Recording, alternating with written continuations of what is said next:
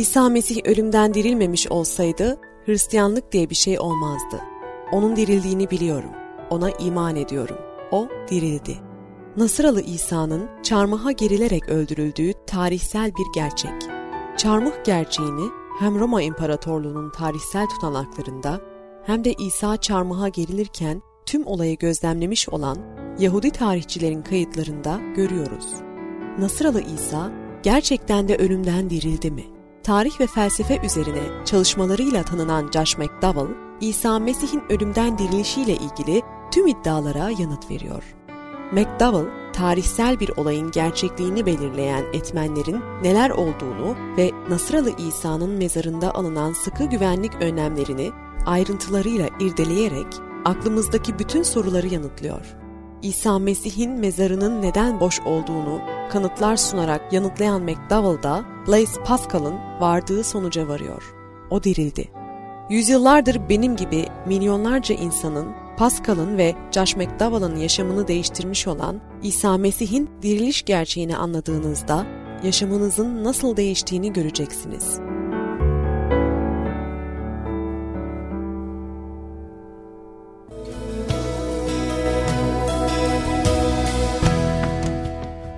Diriliş Gerçeği 5. Bölüm Denenmiş birkaç açıklama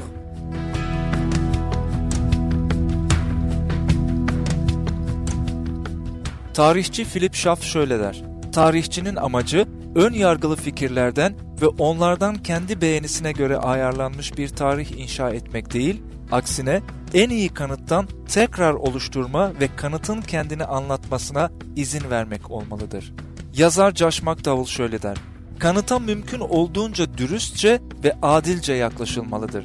Ön yargılı fikirlerle ve sonuçlarla araştırmamıza haksız hüküm vermemeliyiz. Dikkate alınması gereken iki ilke. Birçok teori İsa Mesih'in dirilişinin sahte olduğunu göstermeye çalışırken gelişmiştir. Bu teorilerle ortaya çıkan birçok insanın herhalde iki beyni vardır. Biri kayıp, diğeri de kayıp olanı arıyor. Tarihçilerin bazı fikirlerini yaratabilmek için tarih karşıtı olmaları gerekmektedir. Bütün etkenleri göz önünde bulundur. İlk diriliş gününde olanlar gözden geçirildiğinde iki ilkeyi göz önünde bulundurmak gerekiyor. Birincisi, Mesih'in dirilişini oluşturan bütün etkenlerle ilgili teoriler ve alternatif açıklamalar hesaba katılmalıdır. Kanıtların ışığındaki çeşitli alternatif teorilere dair Londra Üniversitesi'nde ileri düzey hukuk çalışmaları enstitüsü başkanı olan J.N.D. Anderson şunu vurgulamaktadır kanıtların bir bütün olarak göz önünde bulundurulması gerektiği vurgulanmalıdır. Bu tanıklığı oluşturan biri ya da diğerleri üzerinde alternatif açıklamada bulunmak nispeten daha kolaydır. Ama böyle açıklamalar tanıklıktaki diğer etkenlerle de uyuşmadığı sürece değersizdir. Birçok farklı teori ki bunlardan bazıları akla yatkın bir şekilde delinin bazı bölümlerine uygulanabilir ama anlaşılabilir bir şekilde uyuşmazlar, bütüne uyan o tek açıklamaya alternatif oluşturmazlar ön yargılı olmayan sonuçlar. Tarihteki olayları tarihsel olarak incelerken uygulanması gereken ikinci anahtar ilke, kanıtı ön yargılı bir sonuca zorla itmek değil, kanıtın kendi kendine konuşmasına izin vermektir. Tarihçi Philip Schaff şu uyarıda bulunuyor. Tarihçinin amacı ön yargılı fikirlerden ve onlardan kendi beğenisine göre ayarlanmış bir tarih inşa etmek değil, aksine en iyi kanıttan tekrar oluşturma ve kanıtın kendini anlatmasına izin vermek olmalıdır. Şimdi bu iki ilkeyi göz önünde bulundurarak Mesih'in dirilişinin çevresindeki olayların açıklamaları olarak öne sürülmüş olan çeşitli teorileri inceleyelim. İki temel alternatif var. Mesih'in ölümü, gömülmesi ve dirilişiyle ilgili olanların ya doğal ya da doğaüstü bir açıklaması var. Üç gün sonra Mesih'in mezarı ya doluydu ya da boştu. Beş tane doğal açıklama teorisi bulunmaktadır. Her biri üç gün sonra Mesih'in mezarının hala dolu olduğunu ve dokunulmamış olduğunu iddia etmektedir. Bilinmeyen mezar teorisi Her şeyi açıklamak için ortaya atılan ilk teorilerden biri mezarın bilinmediği teorisidir. Beden kimde? Profesör Guitnebert aslı olmayan iddiasını şöyle dile getirmektedir. Bilmediğimiz bir gerçek, büyük ihtimalle elçiler de daha iyisini bilmiyorlardı. Mesih'in bedeninin muhtemelen cellatlar tarafından çarmıhtan indirildikten sonra bir yerlere atılmış olmasıdır. İdam edilen kişinin yeni bir mezara konmasındansa bir çukura atılması daha muhtemeldir. Bu teoriyi oluşturabilecek sebeplerden birisi çarmıha gerilenlerin topluca bir çukura atıldığına yıllarca inanılmasıydı. Haziran 1968'de Kudüs'ün dışındaki bir aile kabrinde bulunan Yohanan ben Hagalgal'ın kalıntıları bu teorinin kalbine doğrudan saplanmaktadır. Çünkü Yohanan çarmıha gerilmişti. Daha sonra da bir kabre gömülmüştü. Teori zayıflığı bu teori ayrıca Mesih'in gömülmesi ve diriliş sonrası olaylarının açık tarihsel gerçeğini tamamıyla yok saymaktadır. Aramatyalı Yusuf'un bedeni kendi mezarına götürdüğünü İncil kayıtları göstermektedir. Bu toplu bir mezar değildi. Mesih'in bedeni Yahudilerin gömme adetlerine göre hazırlanmıştı. Kadınlar mezarın başında oturup ayrıntıları izledi. Eğer bazı açıklanamayan sebeplerden dolayı elçiler ve kadınlar Mesih'in yattığı mezarın yerini bilmiyor olsalardı bile kesinlikle Aramatyalı Yusuf biliyordu. Onun kendi özel mezarıydı. Bilinmeyen mezar teorisi yukarıda bahsettiğimiz her iki tarihsel araştırma gerçeklerine uygulanmada başarısız olmaktadır. Ayrıca Romalılar mezarın nerede olduğunu biliyordu. Oraya askeri bir birlik yerleştirmişlerdi. Yanlış mezar teorisi. Bu açıklama ilk teoriye benzemektedir. Bu iddiaya göre kadınlar Mesih'i kutsamak için pazar sabahı geri geldiklerinde yanlış mezara gitmişlerdi. Hangi mezardı? Bu teoriyi öne sürenlerden birisi olan Profesör Lake şöyle diyor. Kadınların Aramatyalı Yusuf'un Rabbin bedenini gömdüğünü gördükleri mezarın ziyaret ettikleri mezar olduğu konusunda tamamıyla emin oldukları ciddi bir şüphe konusudur. Kudüs'ün çevresi birçok taş mezarlarla doludur ve dikkat edilmezse bunların birbirinden ayırt edilmeleri çok zordur. Gömülme sırasında mezara çok yakın oldukları çok kuşkuludur. Muhtemelen belli bir mesafeden izliyorlardı ve Aramatyalı Yusuf elçi olmaktan çok Yahudilerin bir temsilcisiydi. Eğer böyleyse bir taş mezarı yakınındaki başka bir mezardan ayırt edebilecek çok az imkanları vardı. Bundan dolayı yanlış mezara geldikleri ihtimali dikkate alınmalıdır ve bu çok önemlidir. Çünkü mezarın kapandığını gördüler ama açık buldular. Eğer aynı mezar değil idiyse bütün olaylar bir sıraya giriyor. Kadınlar sabahın erken saatlerinde İsa'nın mezarı olduğunu sandıkları mezara gelmişlerdi. Kapalı bir mezar bulmayı umuyorlardı ama açık bir mezar buldular ve genç bir adam yapacakları işleri tahmin edip yanlış yere geldiklerini söylemeye çalıştı. O burada değil, onu yatırdıkları yeri görün dedi ve muhtemelen diğer mezarı işaret etti. Ama kadınlar yapmak istediklerinin ortaya çıkmasından korktular ve kaçtılar. Testi geçemiyor. Profesör Lake'in teorisi bizim iki araştırma ilkemizin gereksinimlerini karşılayamıyor. Öncelikle bütün kanıtları inkar ediyor. Ayrıca teori delilleri tamamıyla ön yargılı fikirlere göre oluşturuyor. Örneğin onlara göre mezardaki genç adam kadınlara şöyle demektedir. O burada değil ama onu yatırdıkları yeri görün. Yazının tamamı şöyledir. Çarmıha gerilen Nasralı İsa'yı arıyorsunuz. O dirildi, burada yok. İşte onu yatırdıkları yer. Olmayan gerçeklerle edebi ya da tarihsel her ne olursa olsun yanlış mezar teorisi yandaşları meleğin söylediklerini çarpıtmaktadırlar. Melek şöyle demişti, o dirildi, burada yok. Bu parçanın dahil edilmesi için gerekli olan edebi kanıt, yeni antlaşmadaki herhangi bir bölüm kadar kuvvetlidir. Her ne kadar yanlış mezar teorisi akıllıca gelse de, bu teori o dirildi cümlesini keyfi olarak dışarıda bırakmaya dayanıyor. Bu kadınlar 72 saatten daha az bir süre önce İsa'nın bedeninin gömüldüğü yeri dikkatlice öğrenmişlerdi. Bununla ilgili olarak Matta 27.61, Markos 15.47, Luka 23.55'e bakılabilir.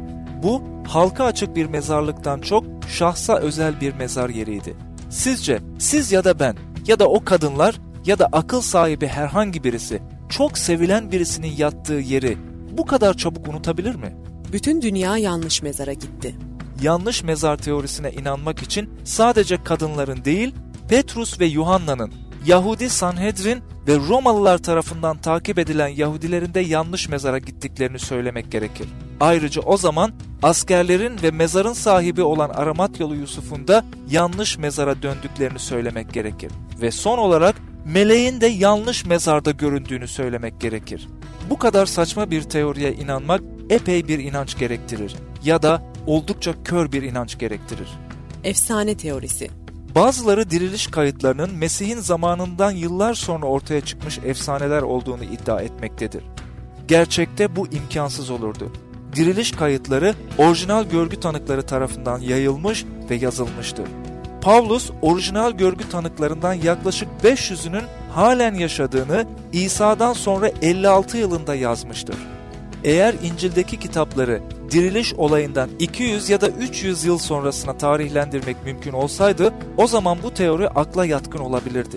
Ama gerçekler açısından bakıldığında bu dibi olmayan bir kovaya benzemektedir. Birçokları yeni antlaşma yazılarını İsa'dan 100 yıl sonrasına tarihlendirmeye çalıştılar. Ama çok kötü bir şekilde başarısız oldular.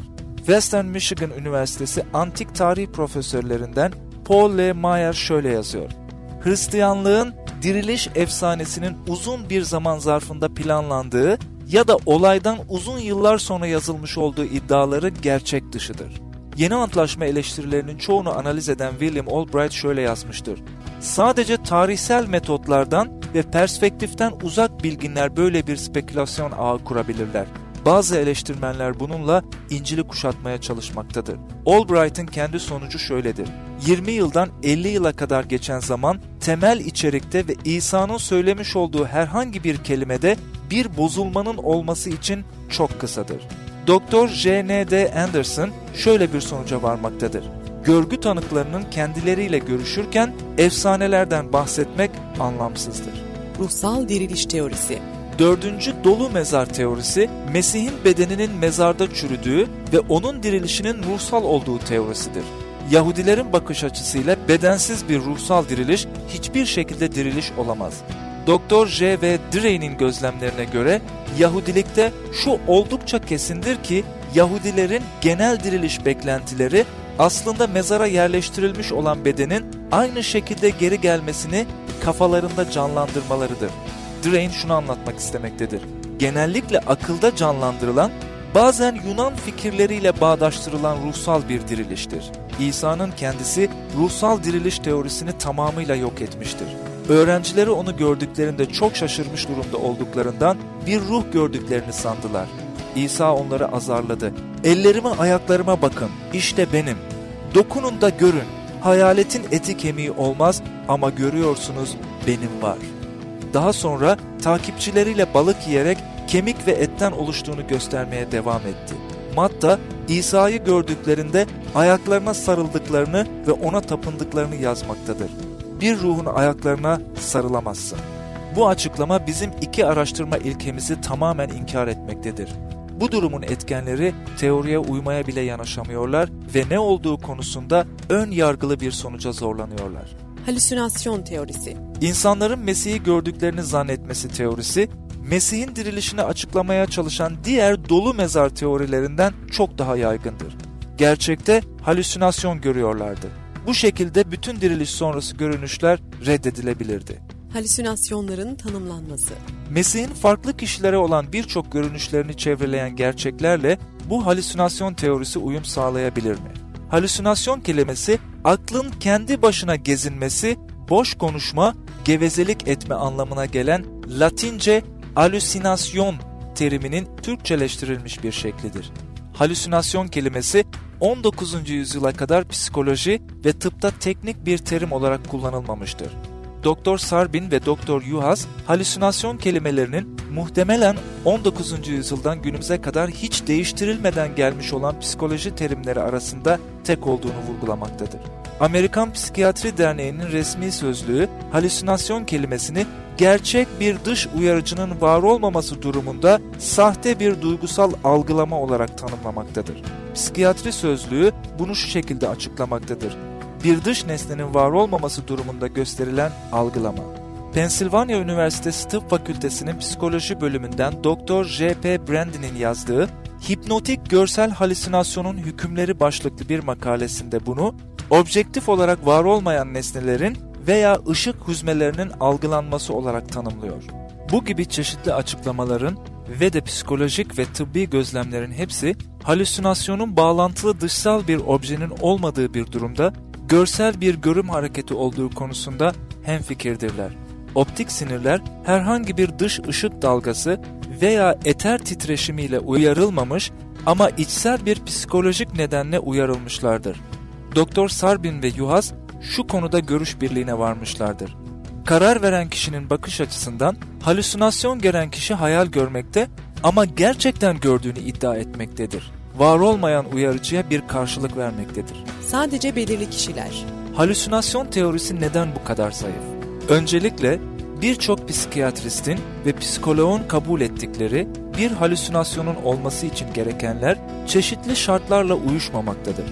Bu temel şartlara göre Mesih'in görünüşlerinden halüsinasyon olarak bahsetmek anlamsızdır.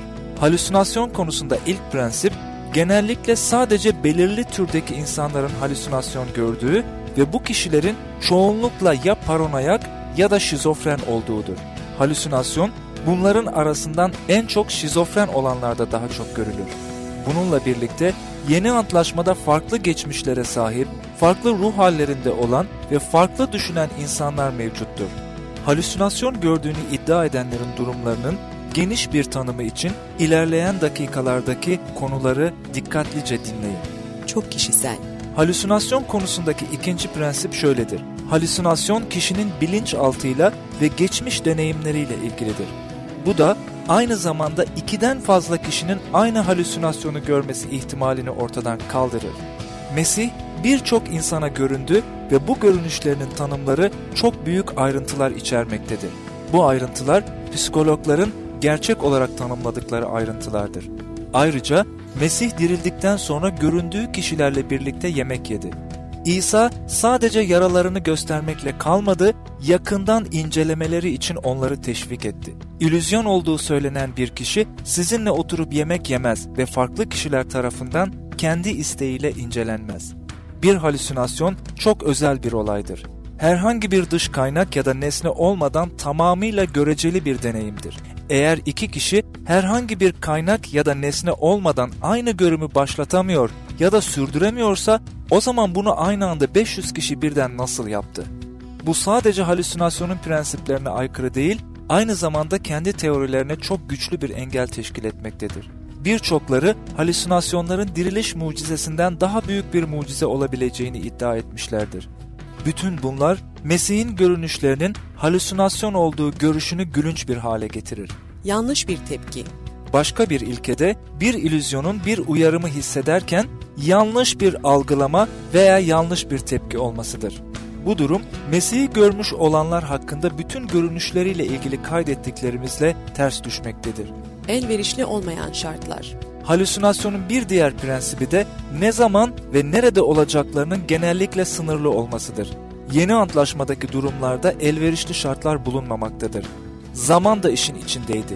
Bir keresinde 500'den fazla insanın da içinde bulunduğu 15 farklı görünüş var. Zamanların ve yerlerin ne kadar çok çeşitli olduğunu irdeleyelim. Bir görünüş sabahın erken saatlerinde mezarda kadınlaraydı. Diğeri Emmaus'a giden yolda gün ışığında birkaç özel görüşmeydi. Bir diğeri gölde sabahın erken saatlerindeydi. Aslında Mesih'in görünüş zamanlarının ve yerlerinin çeşitliliği bunların hayalden ibaret olduğu hipotezine karşı koymaktadır. Olmayan beklenti. Beşinci prensip, halüsinasyonun diledikleri şeyi aşırı bir istekle bekleyen ve ümit eden insanlara gerek duymasıdır. Bu aşırı istek ve ümit beklentisi halüsinasyonun oluşmasını sağlar. Elçilere baktığımızda bekledikleri en son şey diriliştir. Düşündükleri şey Mesih'in çarmıha gerildiği ve gömüldüğüdür. Bu böyle bitti.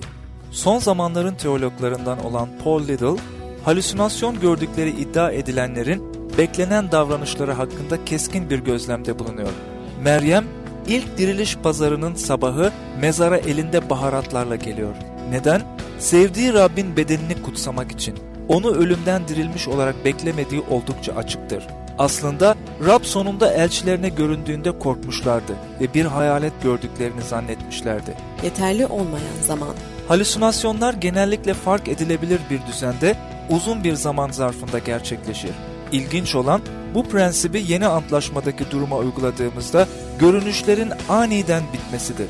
Mesih'in Pavlus'a olan görünüşü hariç ki onun şartları tamamen farklıydı, hepsi birden aynı anda bitti. Gerçeklerle uyuşmuyor. Son ilkede halüsinasyonun hiçbir gerçek bakış açısı ve hiçbir objektif doğruluğunun olmadığıdır. Boş mezar, kırık mühür, muhafız alayı ve özellikle baş kahinlerin hareketleri konusunda halüsinasyon teorisinin hiçbir açıklaması yoktur. Eleştirmenlerin halüsinasyon konusundaki açıklamalarının basitliği konusunda ikna oldum. 5 teori, bilinmeyen mezar, yanlış mezar, efsane, sadece ruhsal diriliş ve halüsinasyon, mezarın kendisinin dokunulmamış olduğu yönünde dirilişi açıklamaya çalışan doğalcı denemelerdir. Özet İsa Mesih'in dirilişinde olanları açıklamak için iki önemli ilke takip edilmelidir. 1. Açıklama, diriliş olaylarını çevreleyen bütün etkenler için geçerli olmalıdır. 2. Kanıtlar bazı ön yargılı sonuçlara uymaya zorlanmamalıdır. Tarih boyunca mezarın dolu olduğuna dayanarak dirilişi açıklamaya çalışan 5 doğal teori geliştirilmiştir. A. Bilinmeyen mezar teorisi. Cellatların bedeni muhtemelen bilinmeyen bir mezar çukuruna attığını iddia etmektedir. B. Yanlış mezar teorisi.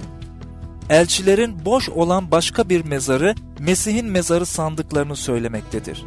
C. Efsane teorisi. Mesih'in dirilişi hakkında anlatılanların yıllar sonra ortaya atıldığını iddia etmektedir. D. Ruhsal diriliş teorisi.